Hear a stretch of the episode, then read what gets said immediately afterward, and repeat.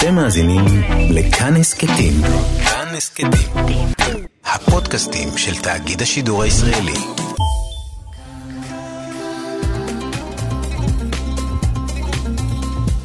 כאן תרבות. בואו נניח לרגע את הספר, ונקשיב. עכשיו, מה שכרוך. כאן תרבות.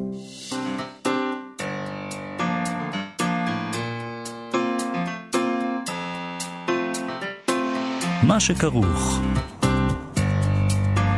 עם יובל אביבי ומה יעשה לה. שלום, צהריים טובים, אנחנו מה שכרוך בכאן תרבות, תודה שהצטרפתם אלינו ב-104.9 או 105.3 FM. שלום גם לעירה וקסלר ודרור רוטשטיין שעושים איתנו את התוכנית, ושלום לך יובל אביבי. שלום, מה יעשה לה? תוכנית ו... מיוחדת היום. תוכנית מאוד מיוחדת היום. במאי 1921, במהלך מאורעות תרפ"א, הסופר יוסף חיים ברנר נרצח בבית האדום סמוך ליפו. בערך שנה וחצי קודם לכן יצא לאור ספרו האחרון והמוכר מכולם, שכול וכישלון, או ספר ההתלבטות, אחד הספרים המשפיעים ביותר בספרות העברית, שמו, אף כמובן, הפך למטבע לשון בישראל, ואנחנו מציינים היום בתוכניתנו 100 שנים לשכול וכישלון. ננסה לעמוד על מרכזיותו של הספר הזה ביחד עם שלושה חוקרים. עם דוקטור ארי גלסנר, אנחנו ננסה להבין את ההשפעה של הספר הזה כשנבחן כמה דמויות שהן ממשיכות דרכו של גיבור הרומן הזה, יחזקאל חפץ, בספרות העברית ואפילו אולי מחוצה לה. עם דוקטור אבירם צורף ננסה להבין מדוע ברנר והספר הזה הפכו למשמעותיים כל כך עבור החוקרים. נגיד שברנר היה דמות מיתולוגית בציבוריות בתקופתו, הוא היה עורך ומבקר ופובליציסט. דמות נערצת. דמות נכון. נערצת וסופר כמובן. וכמובן שהמוות שלו אה, עוד יותר אה, אה, הגביר את המיתולוגיה סביבו, אבל נדמה שהוא הפך למשמעותי מאוד עבור חוקרים עד היום, אבל קצת פחות עבור ציבור הקוראים. למה התאהבו דווקא בברנר ובזה אופן... הוא פשוט תיקף את האתוס הציוני לעומת עמיתיו. דוקטור דינה ברדיצ'בסקי תטען שפשוט לא הבנו את הסוף של הספר, את הסוף הכל כך מפורסם של הספר הזה, הבנו אותו לא נכון כל השנים האלה. אז בוא נדבר קצת, בוא, בוא נעשה איזה מין תקציר אולי קצת גס, אבל בכל זאת של הספר הזה, למי שלא קרא, הספר הזה נפתח בקבוצה, בשדה, אבל מהר מאוד עובר לעיר, יחזקאל חפץ עובד בשדה וחש דקירה בבטנו, הוא נאלץ לנסוע לבית החולים. הוא מאושפז בבית חולים לחולי נפש, שם מסייעת לו קרובת משפחה, שאל ביתה הוא עובר לאחר מכן, בית דודו, יוסף חפץ. הוא מתאהב באחות הצעירה מרים, אבל דווקא האחות המבוגרת, אסתר, מתאהבת בו. במשולש רומנטי טרגי ביותר שמסתיים במותה של מרים, בכישלון חרוץ של ניסיונו של חפץ להתגבר על הדחייה הבסיסית שלו מאסתר, יש שם איזה מין, כל הדבר הזה. אה, יש עוד משולש רומנטי בין חנוך, בן דודו שנעלם, אשתו הניה ודמותו של חמלין, אה, מאהב מתורזן. שמגיע גם מול הבית לצד בנם של הניה וחנוך, היתום שיהפך בסוף הספר לדמות משמעותית ביותר. מקווה שזה לא נשמע מבורדק מדי, מה שכל התיאור הזה יובל. אבל הספר הוא קצת מבורדק. נכון. הספר הוא מבולגן, הוא... הרבה עלי... דמויות. הרבה דמויות בתווך הוא מתאר את ירושלים של אז, לא תמיד בצורה מחמיאה, אתה יודע, משהו כזה, עיירה כזה, שלל העסקנים, ומשהו קשה, קשה. אנחנו, אנחנו מכירים את התיאורים האלה של הארץ בשנים האלה. הכל קשה וחם, העסקנים, אנשי הרוח, האגודות וההתאגדויות. זה ספר עשיר מאוד, מלא דמויות, עמוס בהרהורי נפש שכתובים בסערה, תוך שימוש בהרבה מאוד מקפים ושלוש נקודות, שנותנים תחושה פיזית ממש להתלבטויות וההתפתלויות שיש בנפשן של הדמויות. בנפשו של ברנר, ידידנו, אהובנו. ללא ספק, אומרים... ידיד התוכנית. ידיד התוכנית, אומרים שהוא מגולם בלא מעט מתוך הדמויות האלה. לא, רוב הדמויות הן הוא. זה מה ש... אחת התיאוריות. אנחנו נדבר על כל אלה עוד אתה אומר את זה, אחת התיאוריות, כאילו זה הדבר הכי גאוני שאפשר להגיד. זה, זה, זה ברור מאליו, אני מצטערת. תמיד באקדמיה אומרים ככה, דברים פשוט הכי בנאליים. כאילו זה איזה המצאה. כי אחרת איך, איך להגיד דברים בנאליים? אבל אתם חייבים להבין ש, שיודעים שזה בנאלי, כי אנחנו לא טיפשים. אוקיי. בתור נציג האקדמיה כאן אני מקבל את הביקורת הזאת. אנחנו נדבר על כל הדברים האלה עוד מעט. נתחיל עם זה שלמרות שמו המרתיע, ובכלל, סביב דמות, דמותו של ברנר, בעיקר מדברים על המלנכוליה ועל הדיפרסיה, וזה שהוא היה אדם עצוב, ובאמת סובל. סובל ו- וכולי, וגם הספרים שלו עוסקים בזה כמובן, אבל גם ברנר וגם שכול וכישלון היו מצחיקים. שכול וכישלון הוא ספר מצחיק, ואפילו מצחיק מאוד יובל, לפעמים. אני חושבת שזה הדבר הכי חתרני שאמרת בחיים שלך. באמת? להגיד שזה מצחיק, כן. תשמעי, זה לא, זה לא שאתה יושב ומתפקע מצחוק, אבל אתה קורא את זה, וזה משעשע.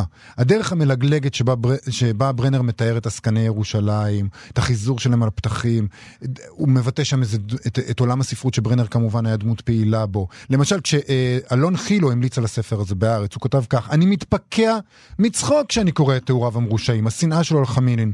הגלגול של דמות חוזרת בכתביו האחרים של ברנר, של גבר מתחרה המצליח לפתות את העלמות במקום שהגיבור הברנרי נכשל כישלון חרוץ, מתבטאת בעקיצות קטנות על קולו של חמילין, שהיה קולו עבה ניחר, מעין קולו של החולה במחלת הסיפיליס. ובמקום אחר אני מוסיף, בנוסף למשל, הוא, הוא מדבר, אה, אה, אה, הוא, הוא מסתכל על דוקטור חמינין, הוא אומר, מה חושב עליו חפץ? הוא אומר, מצוחצח ומקושט ונקי, אירופה.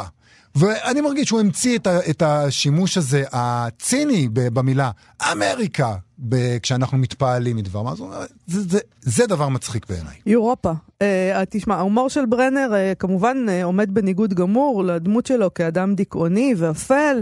אה, אבל אולי זו השתמרות של חלק מה, מהמיתוס ב, בסך הכל, אה, כיוון שגרשון שופמן, מכר של ברנר, התראיין בשנת 1963 לכל ישראל אצל רם בן אפרים, ושם הוא אמר ככה, דיפרסיות? ודאי, היו דיפרסיות, אבל בזיכרוני נשאר דווקא ברנר הצוחק. הוא צחק תכופות, ואיך צחק? הוא התגלגל מצחוק ממש, מרבים לדבר על ברנר הקודר, איש הייאוש, אבל אין מכירים את ברנר איש הצחוק. הומוריסט על פי דרכו היה ברנר. בסיפוריו מצויות פניני הומור דק מן הדק. הנה בסיפורו מכאן ומכאן, הוא מספר כיצד ישב פעם כהרגלו אצל אריה לפידות, זהו א' ד' גורדון, ושניהם שוחחו על מה ששוחחו. בחוץ ישבו, לפני חלון ביתם, לפני חלון ביתו של לפידות. תוך כך, הוא שומע שנכנסה לבית כלתם, אשת בנם, והיא שואלת את, חמוד, את חמותה, את אשת לפידות, את הינדה מרת הנפש, על חמה, על לפידות. עם מי הוא שם? עם הסופר? והינדה עונה, אתה חייב, אתה יכול להגיד את זה ביידיש? אתה למדת יידיש, לא? והינדה עונה. מתוומן ותר רדן. היינו, אלא עם מי ידבר? זאת היא דוגמה אחת מיני אלף. ובכן, לא דיפרסיות, לא ייאוש, לא בכי, אלא צחוק. טוב, אז זה כנראה הקריאה היידית הכי גרועה שאפשר היה לדמיין, אבל אה, לאור ההומור הזה, אני חושב שכדאי להתחיל את, וכיוון שמדובר בהתחלה, כדאי להתחיל את התוכנית בקריאת אותה התחלה, שכבר הזכרת בקבוצה, אה, שם אה, חפץ חש מכאוב. והקבוצה דנה באפשרות לשלוח אותו לבית חולים, במה שלדעתי לחלוטין היה יכול להיות סצנה בסדרת אה, סאטירה על הקבוצה ואנשיה, אם רק ב-1920 הייתה החמישייה הקאמרית. או היהודים באים. או היהודים באים. זה ממש היהודים באים. לגמרי. בבקשה. ככה זה מתחיל. בשעת צהריים אחת, בשלהי אדר שני, קראו האסון. השנה הייתה מעוברת, גשומה ושכונה. ובאותו יום אדרי קיצי כבר ניתנה לו הטענת בקיה בעבודת הקבוצה, והוא עם מנחם, הפועל הארעי, עסקו בזה בשדה. מנחם מלמעלה, על גב העגלה, והוא חפץ, מתחת. מנחם בלי התאמצות יתרה, כי אם בשובה ונחת, כדרך הפועלים הארעיים, שהיום הם כאן, בדן, מחר בבאר שבע. והוא, חפץ, הקבוע בקבוצה, החבר בעל החובות והזכויות השוות בהתפעלות נפש, התאמצות שרירים ומסירות גוף רבה, כדרכו הוא מאז, ובפרט בעת האחרונה מי ששב מחוץ לארץ.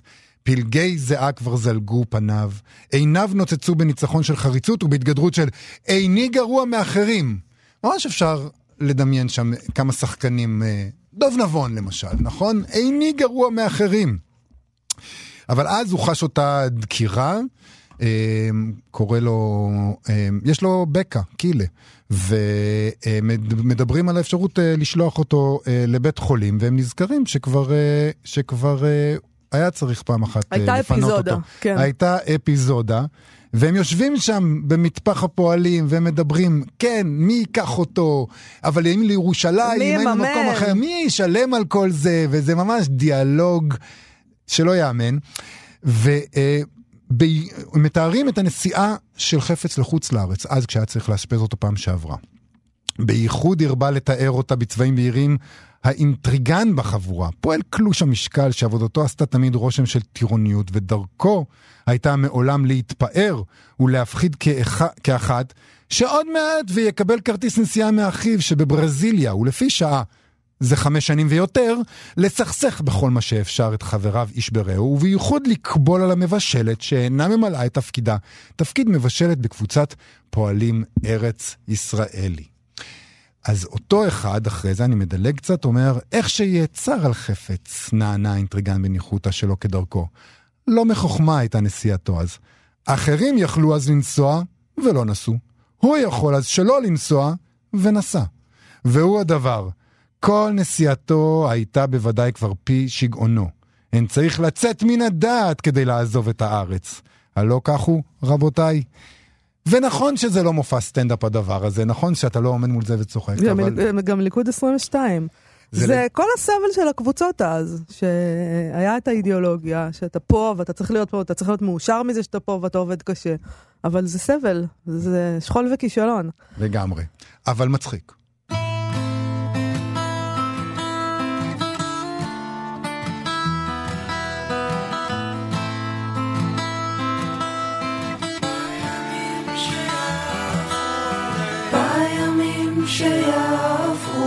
burning.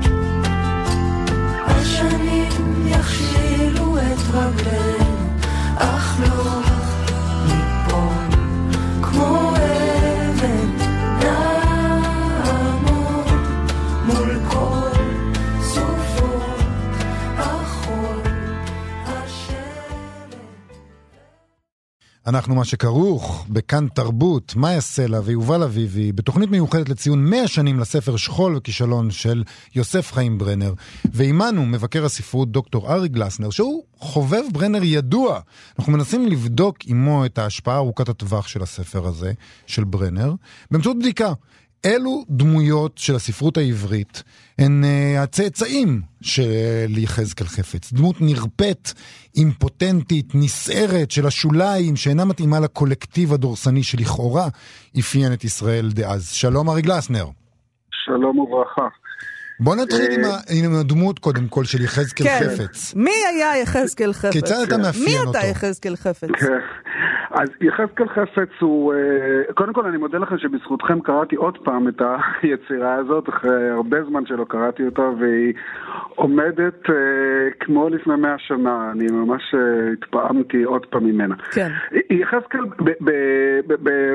כמו שתיארתם, הוא, הוא באמת חלוץ מחלוצי העלייה השנייה, שאז כמובן עוד לא נקראה כך, שלא מצליח להיות חלוץ כל כך מוצלח, והוא סובל מאיזה בעיה רפואית, איזה לקות שהיא קשורה לתפקוד מיני, אולי קילה, זה לא לגמרי ברור, והוא הולך להירפא בירושלים, עוזב את הקיבוץ, את הקבוצה ששם הוא גר, ובירושלים הוא גר אצל דודו, ומתאהב שם באחת מבנות דודותיו היפה, מרים היפה, ולא מצליח להשיב אהבה לאחותה אסתר הלא יפה, והוא פוגש שם אה, אה, גבר אה, בשם חמילין, שהוא מין מוצלח ויפה, ואדם אה, אה, שיש לו רגשי נחיתות כלפיו, שהוא כבר בעבר גזל ממנו אהובה מהעבר, והוא אה, מתמוטט התמוטטות נפשית ומתאשפז בבית חולים לחולי נפש בירושלים, אה, לאחר מכן יוצא ממנו, אבל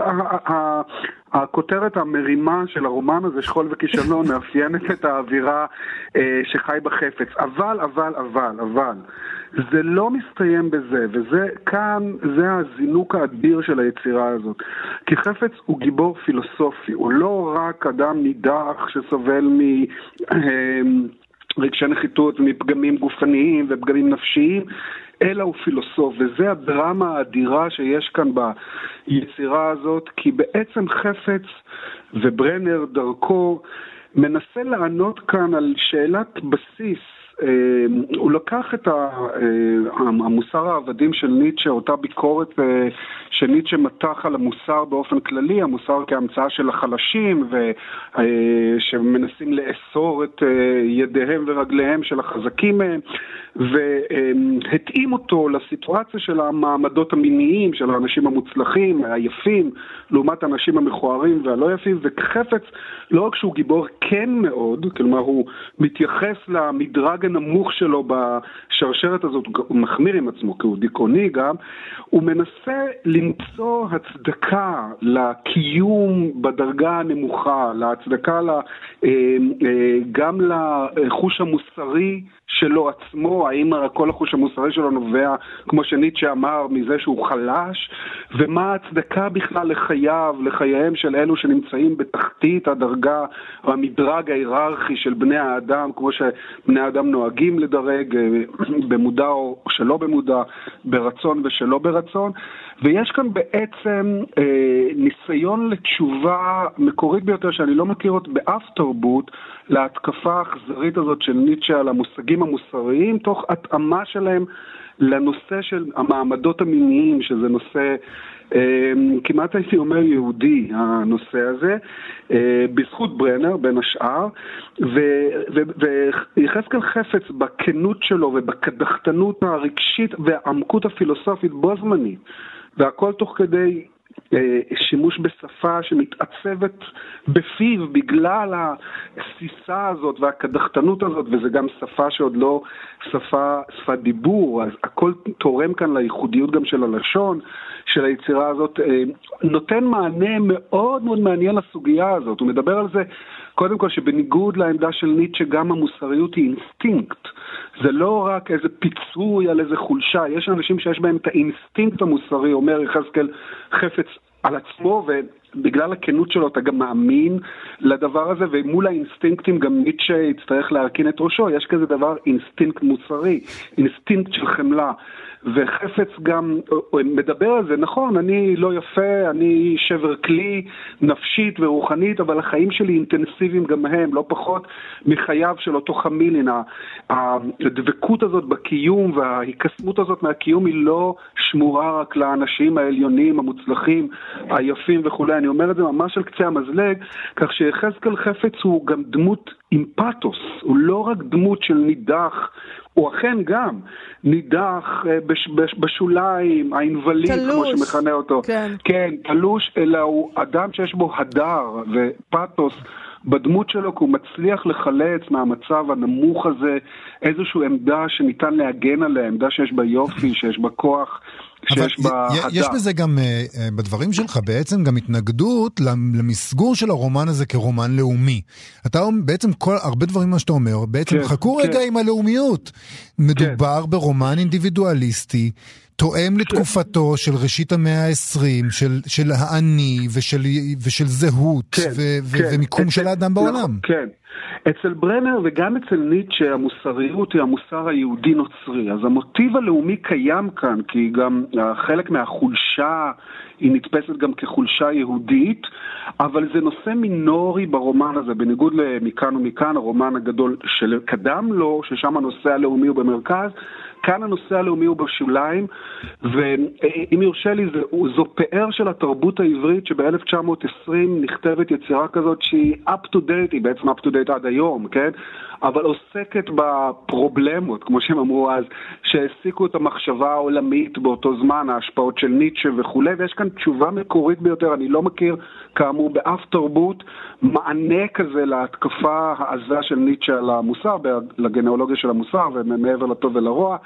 אה, אז במובן הזה זה, זה טקסט קיומי ממדרגה ראשונה, אקזיסטנציאליסטי אה, ממדרגה ראשונה, לפני המצאת המוסר כמובן, וכן, זה הדמות של היחיד שמרגיש שהוא נמצא בתחתית ומנסה להצדיק את חייו, מנסה בצורה משכנעת, כי הכל מלא כנות, הוא מודע לכל הדברים שאפשר לומר נגד הקיום שלו, מנסה להצדיק את חייו, מנסה להצדיק את המוסר. אה, מנסה להצדיק את האינטנסיביות של חיי החלשים כמו שהוא, אה, אז זה טקסט גם כואב מאוד, שורף מאוד, אבל יש פה גם אה, נחמה וכוח ומה שאני מכנה הדר במובן הזה, שזה דמות מודעת לעצמה עד הסוף, עד הסוף ובאכזריות.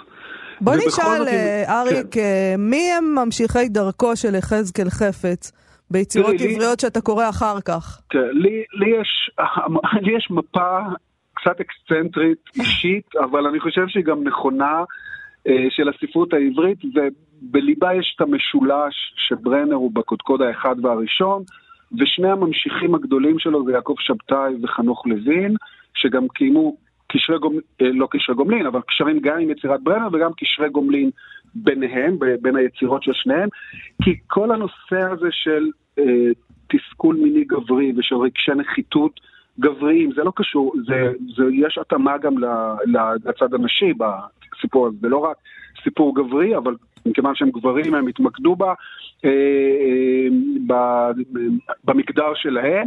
אה, אה, זה ממש ממש, הנושא הגדול, הנושא הגדול של לוין בוודאי, המעמדות המצליחים מול הנכשלים, המשפילים מול המושפלים וכולי, זה ממש ממש לקוח, מה זאת אומרת לקוח? זה לקוח מהעולם הפנימי של לוין ומהכישרון הגדול שלו, אבל ברנר, התקדים הזה של ברנר בתרבות העברית מאוד מאוד סייע, אני חושב, לגיבוש של הדרך של לוין. שלא לדבר על זה שהוא גנב ממנו את השם, חפץ. יחפץ, זה הגיבור... אני, חוש, אני, חושב, אני חושב שזו מחווה מפורשת לשכול כן, וכישלון. כן. כן, אני חושב שזו מחווה מפורשת, הגיבור שלו לא יכול להיות אחרת, כאילו. כן.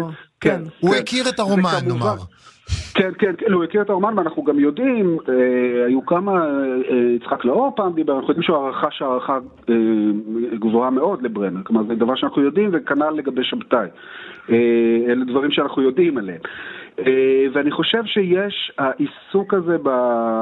אה, שוב, במעמדות מיניים, ברגשי נחיתות גבריים, אה, תסכול מיני גברי, והשלישייה הזאת היא אה, ששני הקודקודים שלה, לוין ושבתאי, אה, מושפעים מהקודקוד שקדם להם ב-50 שנה, ב-50-60 שנה. ברנר זה בעיניי איזה ליבה של התרבות העברית שהיא יוצאת מברנר, משכול וכישלון במיוחד, ובכלל מכל היצירה שלו. ואחריהם זה ממשיך אחרי שבתאי ולוין? יש עוד דוגמאות לזה? אני, אני כשקראתי את הרומן המצוין של ידידתי הטובה, שרה בלאו, יצר לב האדמה, אז ישר אמרתי לעצמי, זה במסורת הזאת. זה איזושהי שנאת גוף יהודית, כן. ובעיה עם הגופניות ותחושת נחיתות ומעמדות מימיים גם שם, ברומן הזה. אז במובן הזה הרומן הביקורים המצוין של, של שרה הוא, הוא, הוא במסורת הזאת.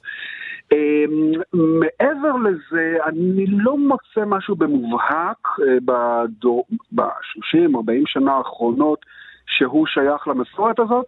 אני כן מוצא את זה מחוץ לתרבות הישראלית, אני, בעיניי מישל אולבק הוא, ברנריסט, הוא לא יודע את זה. כן, הוא גם מתאר מאבקים אה, של מעמדות מיניים. זה קרבה מאוד גדולה, זה לא רק זה, אה, אה, זה לא רק המעמדות המיניים, שניהם, ברנר ואולבק, מתמודדים עם ניטשה.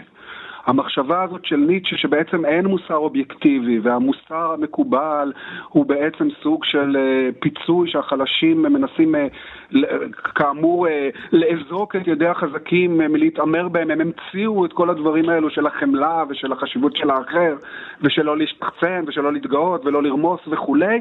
וולבק התמודד בעצמו עם ניטשה כמו שברנר עשה מאה שנים לפניו וזו ההתמודדות המשמעותית השנייה שאני מכיר בתרבות העולמית, אני לא מכיר כמובן את כל התרבות העולמית, אני מתכוון ממה שאני מכיר. אה, ובמובן הזה הוא ברנרי, יש, הקרבה היא מאוד מאוד גדולה, היא מאוד מאוד גדולה. אני, אני בדיוק עוסק בכתיבת מאמר על הנושא הזה, אז, אז אני אה, ככה קרוב לזה, אבל זה, זה, שניהם זה לא רק המעמדות המיניים, זה גם ההתגברות, הניסיון ההתגברות על הסוגיה הזאת, מאיזה עמדה מוסרית בכלל ניתן לבקר את זה, ניתן אה, להצביע על אלטרנטיבות אחרות, ויש כאן קרבה, הוא, ברנריסט בקיצור. מדהים. אה, אז כותרת יש. שוולבק לא ידע, אבל הוא ברנריסט. דוקטור אריק כן. לסנר, תודה רבה לך על השיחה תודה הזאת. רבה לכם. תודה, רבה להתראות.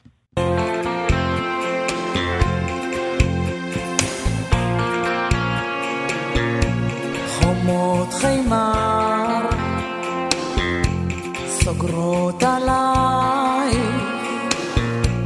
אחות קטנה. חבל עלייך חומות חימר עונות בצורת. אחות קטנה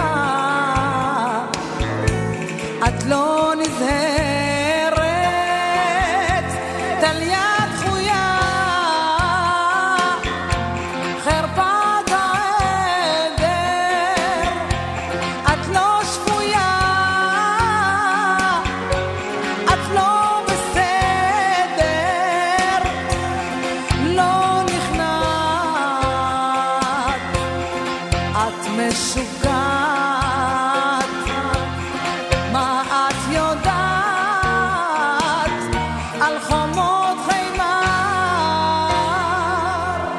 עיני קוצים בולשות אחריי, חיצים רצים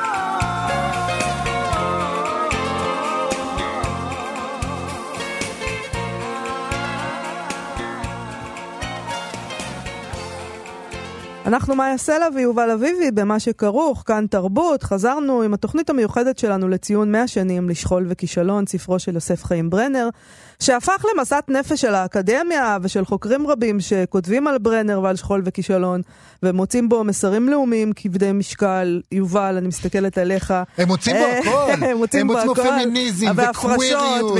וכל מה שרוצים. אה, גם אם בציבור הישראלי, אגב, לא קוראים אותו בעצם כבר בכלל. אה, השאלה מדוע, מה יש בברנר ובשכול וכישלון שהפכו אותו למרכזיים כל כך, לכאלה שנדמה שהם מעל הביקורת? למה כולם נשבעים בשמו? למה דווקא הוא? לדוקטור אבירם צורף, חוקר היסטוריה יהודית, יש דווקא תשובה לדבר הזה. שלום, דוקטור אבירם צורף. שלום. אהלן. אתה, אתה חקרת דווקא את רב בנימין, שהיה שותף של אה, ברנר לעריכת המעורר, ואותו פחות זוכרים, אז, אז יש לך כאן אולי את שני החבר'ה לצים האלה להשוות ביניהם. למה זה כן וזה לא? למה ברנר? אוקיי, אז אה, אני לא יודע אם יש לי תשובות, כמו שתיארתם את זה קודם, אבל אני, אני אנסה לתת כמה כיוונים שאני חושב שהם אולי עשויים אה, לתת איזשהו הסבר. אה, ואני חושב שהעוצמה של הדמות של ברנר בשיח האקדמי ובכלל נובעת מה... אתם מדברים על שכול וכישלון, שכותרת המשנה שלו היא ספר ההתלבטות. כן. כן, אז הדמות, הדמויות שעומדות במוקד של הכתיבה של ברנר, אלה אותן דמויות מתלבטות, כואבות, מצטערות, חולות, אה, והדמויות האלה נתפס, נתפסות, או אה, אה, אוהבים לתפוס אותן כדמויות שהן נתפסות כדמויות שוליות, ולכן באיזשהו מקום אה, מורדות במשהו, נתפסות כמורדות אולי בהגמוניה הלאומית אפילו, על אף שבדרך כלל הן מוצבות או, או נידונות שלא בהקשר של הדמות של ברנר גם כדמות פוליטית מאוד מאוד מרכזית, כדמות של קובע טעם ספרותי חשוב, שכמה מהמאמרים שלו בעצם היו נקודות מפנה מאוד מאוד מרכזיות מבחינת הטעם שאומץ במעגלים של הספרות העברית החדשה. כן. ואני חושב שהדמות הזאת שמצטיירת אצל ברנר, שנגיד מתנסחת גם, גם במניפסטים שלו למעורר וגם במניפסט, במניפסט שלו, הז'אנר הארץ ישראלי והאביזרי הוא מ-1911, אנחנו, אני אנסה אולי גם להגיד מה העמדות נגד שרבי בנימין מציב בשני המקרים האלה. הן בעצם אה, נקראות כ, כדמות של האינטלקטואל כפי, ש, כפי שרוצים לדמיין אותו, כאיזשהו דמות של סובייקט עצמאי, מובחן, שהוא כביכול מוגדר כעומד בניגוד למסגרת הלאומית, אבל למעשה התיאור, ההבניה הזאת של הסובייקט אצל ברנר, היא למעשה דווקא נעשית על מנת לממש את מה שהוא רואה כתכלית ההגשמה הלאומית. כן, כי אחד הדברים שברנר טוען, למשל בז'אנר הארץ ישראלי ואביזרי, הוא זה שעל מנת לייצר איזשהו סובייקט שהוא מונע לכיוון של הגשמה לאומית, כן, שהוא מונע לכיוון הגשמה של האידאל הלאומי, כדי לבנות את אותו סובייקט לאומי, צריך שיתקיים פער בין המציאות הקיימת לבין המציאות המוגשמת. כן, ולכן הדמות החולה, הדמות ה... ה, המתלבטת, הדמות ששרויה באיזשהו מאבק פנימי מתמיד, היא דמות שנועדת למימוש אותו אידאל לאומי. זאת אומרת כן, שכל היא הזמן הם חשבו שהם אוהבים אה, והם חוקרים אה, את, ה, את התלוש הזה ואת הסובל הזה ואת המלנכולי הזה, אבל בעצם הוא מגלם לגמרי את, ה, את הציונות ואת הציוני. ואת ההגשמה הציונית הזאת. אני, לא, אני הייתי נזהר בלהגיד הם חשבו, כי אני חושב שהדברים שאני אומר עכשיו הם לא דברים שהם בהכרח חדשים, כן? הם לא, הם לא, אני לא חושב שאני הראשון לומר אותם, אני חושב שהדברים האלה נאמרו ונאמרים, אני חושב שברנר, בוודאי בראשית דרכו, אף אחד לא תפס אותו כלא לאומי. כן, בוודאי בקריאות שלו בשנות ה-20, כן, אחרי מותו, אף אחד לא תפס את ברנר כדמות לא לאומית. היה ברור שהקריאה הזאת לספרות אנטי-ז'אנריסטית, כן, מה שנקרא אחר כך בעקבות המאמר הזה, נובעת מהרצון לייצר את אותו סובייקט מתלבט, שבעצם ההתלבטות הזאת היא חלק מהמהלך של הגשמה בסופו של דבר.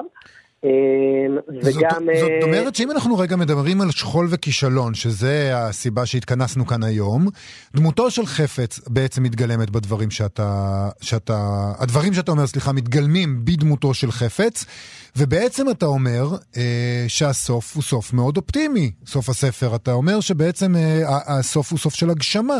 הסוף, אה, בעצם יש לנו דמות שהיא נמצאת בהתלבטות, שהיא נמצאת בסערת נפש, אבל בסופו של דבר היא מבטאת מקפצה. הספר הזה הוא ספר על לאומיות מוגשמת.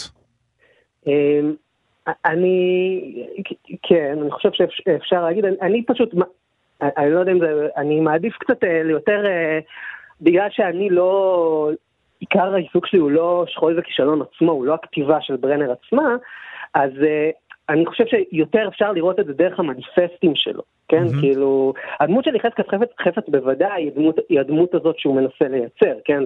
זה בעצם ה... המוקד, אבל אני, אני חושב שאם אנחנו נלך למשל למניפסט שהוא כותב למעורר, שאגב הוא המניפסט שיוצא מאוחר יותר, כן? אם, אם, אם למשל נדבר על, כן, כאילו, מי שעורך את המעורר, הם עורכים את זה ביחד, רבי בנימין וברנר, הם בעצם ידידים טובים. אבל הם חושבים מאוד שונה אחד מהשני על מה שהולך פה. דמויות לחלוטין נבדלות. כן.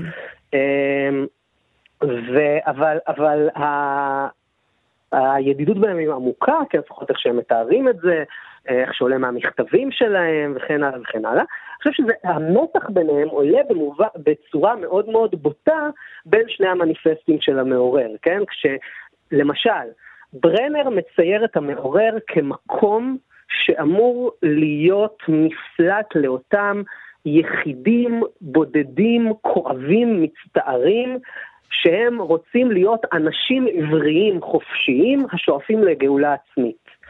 זה התיאור של זה, הוא מצייר את המעורר כמעין מנזר, שבו אה, שותפים אותם יחידים בודדים, אבל ואז הוא בעצם מנסה לתאר את זה כמקום שאין בו הגבלות ואין בו, אה, ואין בו איזה, אין בו, אה, הוא מאוד פלורליסטי מבחינה ספרותית, אבל בד בבד עם זה הוא אומר, מי שזר לקול שמדבר מתוכנו לא יבוא גם אחרי אגדה עם 32 פירושים. עכשיו, אני חושב שזה משפט מפתח במובן הזה שהוא משרטט לנו מה, אה, מה בעצם עוצמתה של העצמיות שברנר מצייר פה, כן? כלומר, מצד אחד זו עצמיות של יחידים, בודדים חופשיים, מצד שני שואפים להיות אנשים עבריים ולשאוף לגאולה עצמית, ואפשר לשמוע את העמדה הציונית המובהקת בדברים האלה. אה, ובנוסף לזה, אה, הם, אה, הם קבוצה סגורה. כן? כלומר, בסופו של דבר, הקול שמדבר מתוכם הוא זהה, הוא מייצר את הקבוצה שהזר אליה לא יוכל להגיע. כן? כלומר, הוא לא יכול, אין, אין לו כניסה לתוך המסגרת הזאת. זה מזכיר כל מיני מסגרות עדיין שקיימות היום. נכון, נכון. לא ננקוב בשמות. אז, אז הוא בעצם, אתה יודע, זה, הוא, זה התשתית שלנו, אנחנו הולכים על התשתית הזאת. ורבי בנימין, שדיבר על אה, דו-קיום יהודי-ערבי, אה, ועל אה, למידה של המרחב האסלאמי, אני מניחה פחות, אה, פחות תפס. כן, אז, אז אני חושב שנגיד רבי ניאמין באותו זה שצריך להזכיר גם שומר תורה ומצוות, שזה גם לא הכוס התה של ברנר. נכון. אז הוא גם גליצאי וגם שומר תורה ומצוות, אני אולי אדבר קצת, אזכיר גם את המאמרים של ברנר על גליציה. אז רבי ניאמין מייצר תמונה אחרת, שהוא אגב המניפסט הראשון של המעורר, כן, שנמצא לגיליון הראשון, אל הקורא. אה, רבי ניאמין שם מייצר תמונה של, אה, של אה, בית מדרש שעדיין לא נגמר, אין שום דבר שם ש, שזה, ולמרות שכל מי שנמצא שם שואף לאיזושהי ממשלה אוטוקרטית, עדיין כולם מתכנסים באיזה בית מדרש בצוותא חדא ודנים בלהט וב, וב, אה, אה, ובנחת בו זמנית על הדברים. עכשיו, אני חושב שהמתח הזה בין מנזר אצל ברנר לבית המדרש אצל רבי בנימין הוא מאוד מאוד קשור קודם כל לעובדה שכתב העת עוד לא סגור והוא לא קשור בכל עצמי מהסיבה הפשוטה שאצל רבי בנימין אין עצמיות. אני חושב שאצל רבי mm. בנימין אין כמעט סובייקטיביות וזה קשור גם לעמדתו הגליצאית שבה אין עצמיות לאומית, אין סובייקטיביות שצומחת באופן חזק, אין, אה, אין אה, זה, כפי שכינה זאת ברנר בעצמו במאמרים שלו מ-1908 על גליציה, הוא קרא לזה בגליציה יש את מלחמת האבות והבנים בצורתה היותר פרימיטיבית, הם סובלים מאונס הטרדיציה, כלומר אונס המסורת, אה, וה... ובעצם מה ש... מה ש... מה שברנר מבטא בזה זה אי הנחת מהמסגרת הגליצאית שלא לא מצייתת למהלכים שהוא מחפש. כלומר, אין בה התבדלות מובחנת של הבן מהאב, כן, אין לו את קהילת הבנים שברנר מנסה ליצור דרך המנזר הזה של המעורר, אה, והיא סובלת מאונס הטרדיציה, כן, אותה, אותו אונס המסורת ש...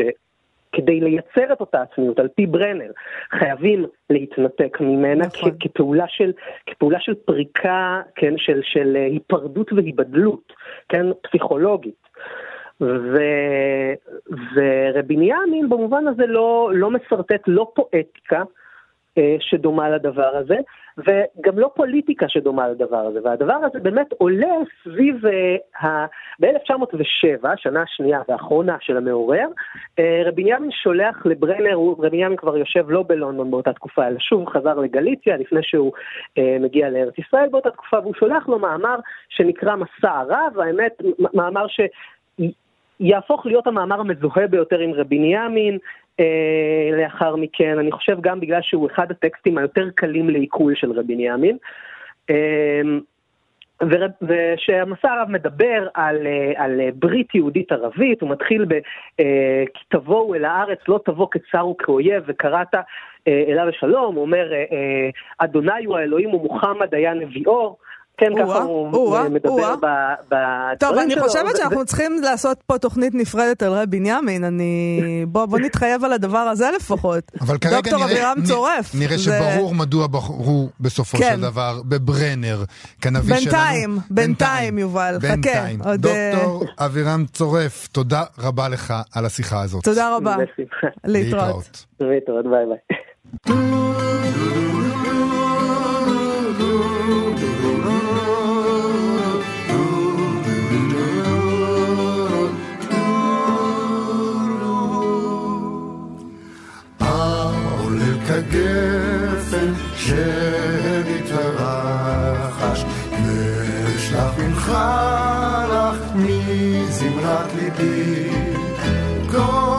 כל שיד העצב לא עקרה משורש,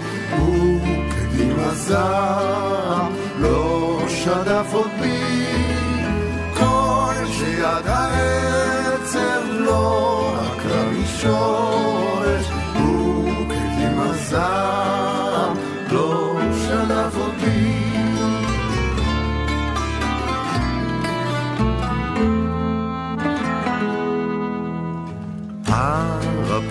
הטנא, זיכרונות כנרת, ואת שמי הבוקר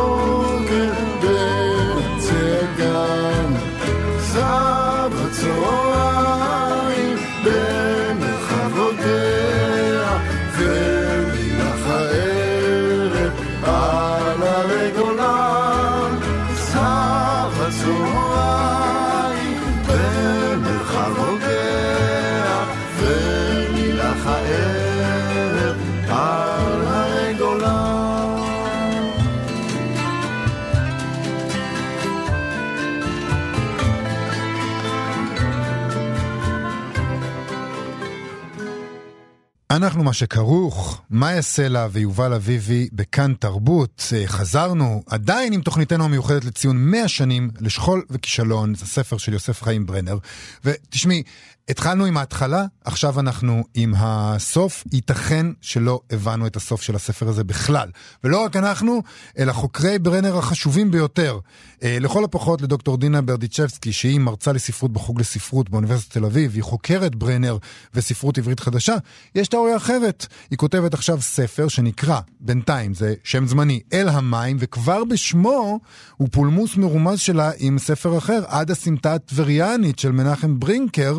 אה, שכל מי שחוקר אה, ברנר מכיר אותו, אחד הספרים המונומנטליים על ברנר, אה, החוקר פרופסור מנחם ברינגר. שלום, דוקטור דינה ברדישבסקי.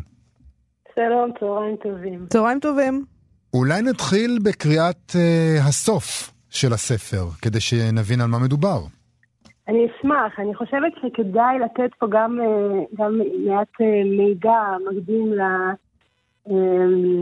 למאזינים, וגם אם תרשו לי, אני הקשבתי לשיחה הקודמת עם אבירן צורף, שהייתה באמת מאוד מעניינת, ו, וגם לנקודה, לנקודה הזאת שדיברתם עליה, שקשורה ללמה אה, כל כך אה, אה, התאהב, התאהב המחקר, אוהב את הביקורת את ברנר, ומי היה ברנר בעיני הביקורת הציונית בבקשה. אה, לאורך מאה השנים. אתם מרשים לי לפתוח בוודאי. בנקודה הזאת? ברור. בוודאי. אמ, אה, אז אה,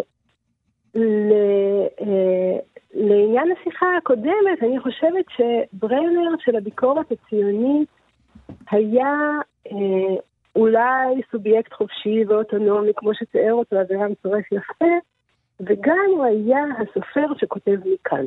כלומר, הייתה לו, זאת, אם אפשר לדמיין איזה סמל, איזו פרסונה ארכיטיפית כזאת, של מי זה ברנר, כמו שאנחנו רואים אותו בתמונות, בהישגים המפורסמים של הפנים המזוקנות האלה, זה סופר שכותב מכאן, וגם הכותרת של הספר שהזכרתם, של ברינקר נוגעת לפה, אבל הרבה לפני כן. אתם יודעים, בשנות ה-30, אני חושבת, גרשם שולם כבר העיד למה הוא עלה לארץ ישראל, כי הוא קרא את שכול וכישלון, אה, ומאותו הרגע הוא התפכח מכל האשליות. כלומר, מה זה סיפורות שנכתבת מכאן? היא נכתבת לא כדי לייפות את הארץ, לא כדי לייצר איזה פלקט, לא, לא, לא מציאות חיים ורודה ומלבבת, כדי לספר את כל האמת, אבל גם כדי לאחז אחיזה חסרת פשרות במציאות הארץ-ישראלית. וזה מאוד מאוד מזוהה עם פרסונה של ברנר. לפעמים אני מדברת עם אנשים מבוגרים גם היום, ועוד אנחנו שומעים את הנימה הזאת בניסוחים כאלה של, אה, נאמר, אדם שהילדים שלו חיים בניו יורק או בברלין, והוא אומר, אני יודע כמה בעיות יש פה, ואני גם, גם לי לא פשוט, אבל אני את המקום הזה לא עוזב. וזה היה ברנר, כלומר, קשה פה, והחיים מחוספסים, וה- והבעיות עמוקות ו- ו- ולא ניתנות לפתרון, אבל לא עוזבים. ככה גם גרשון שקד, שהוא היה גם חוקר מאוד חשוב ומשפיע של ברנר, של הספרות העברית בכלל, את, ה- את שמות הספרים שלו הוא שאב, הוא, הוא לקח בהשראת ברנר. אין מקום אחר, היה לו ספר כזה, אין מקום אחר, זה משפט של ברנר ממכאן ומכאן.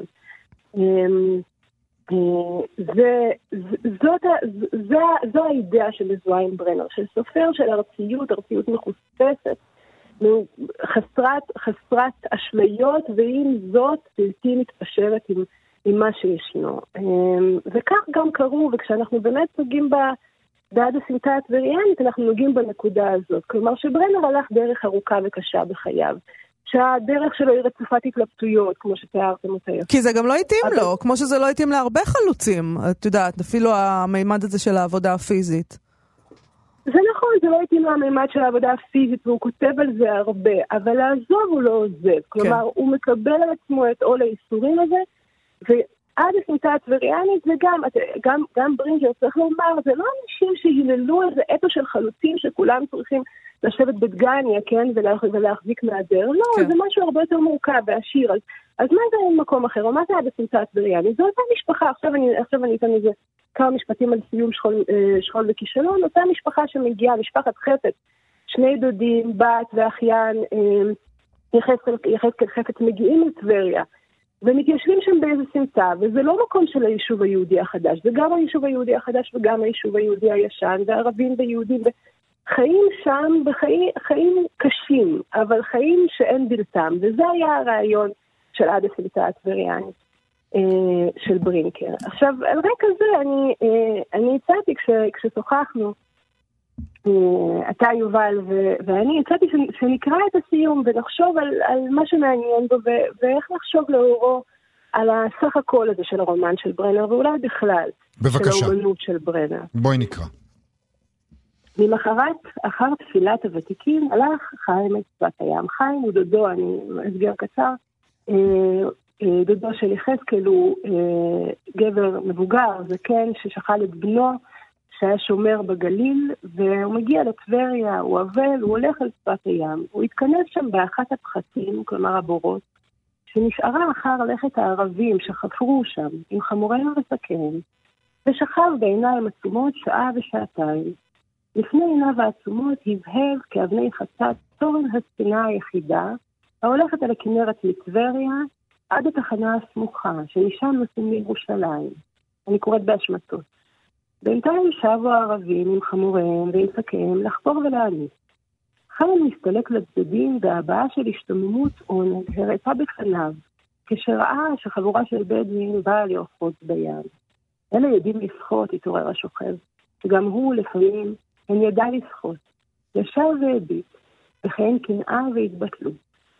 אבל מיד באה איזו מחשבת לצון אליו והוא התנחם. במקווה, חכה, לא היו אלה שוחים אפילו בקיץ, חלפו איזה מילים מתמיהות, מילים אשר אין שחר להן, במוחו המיושן, ואיזה חיוך משונה השתפך על לחייו הצמוקות.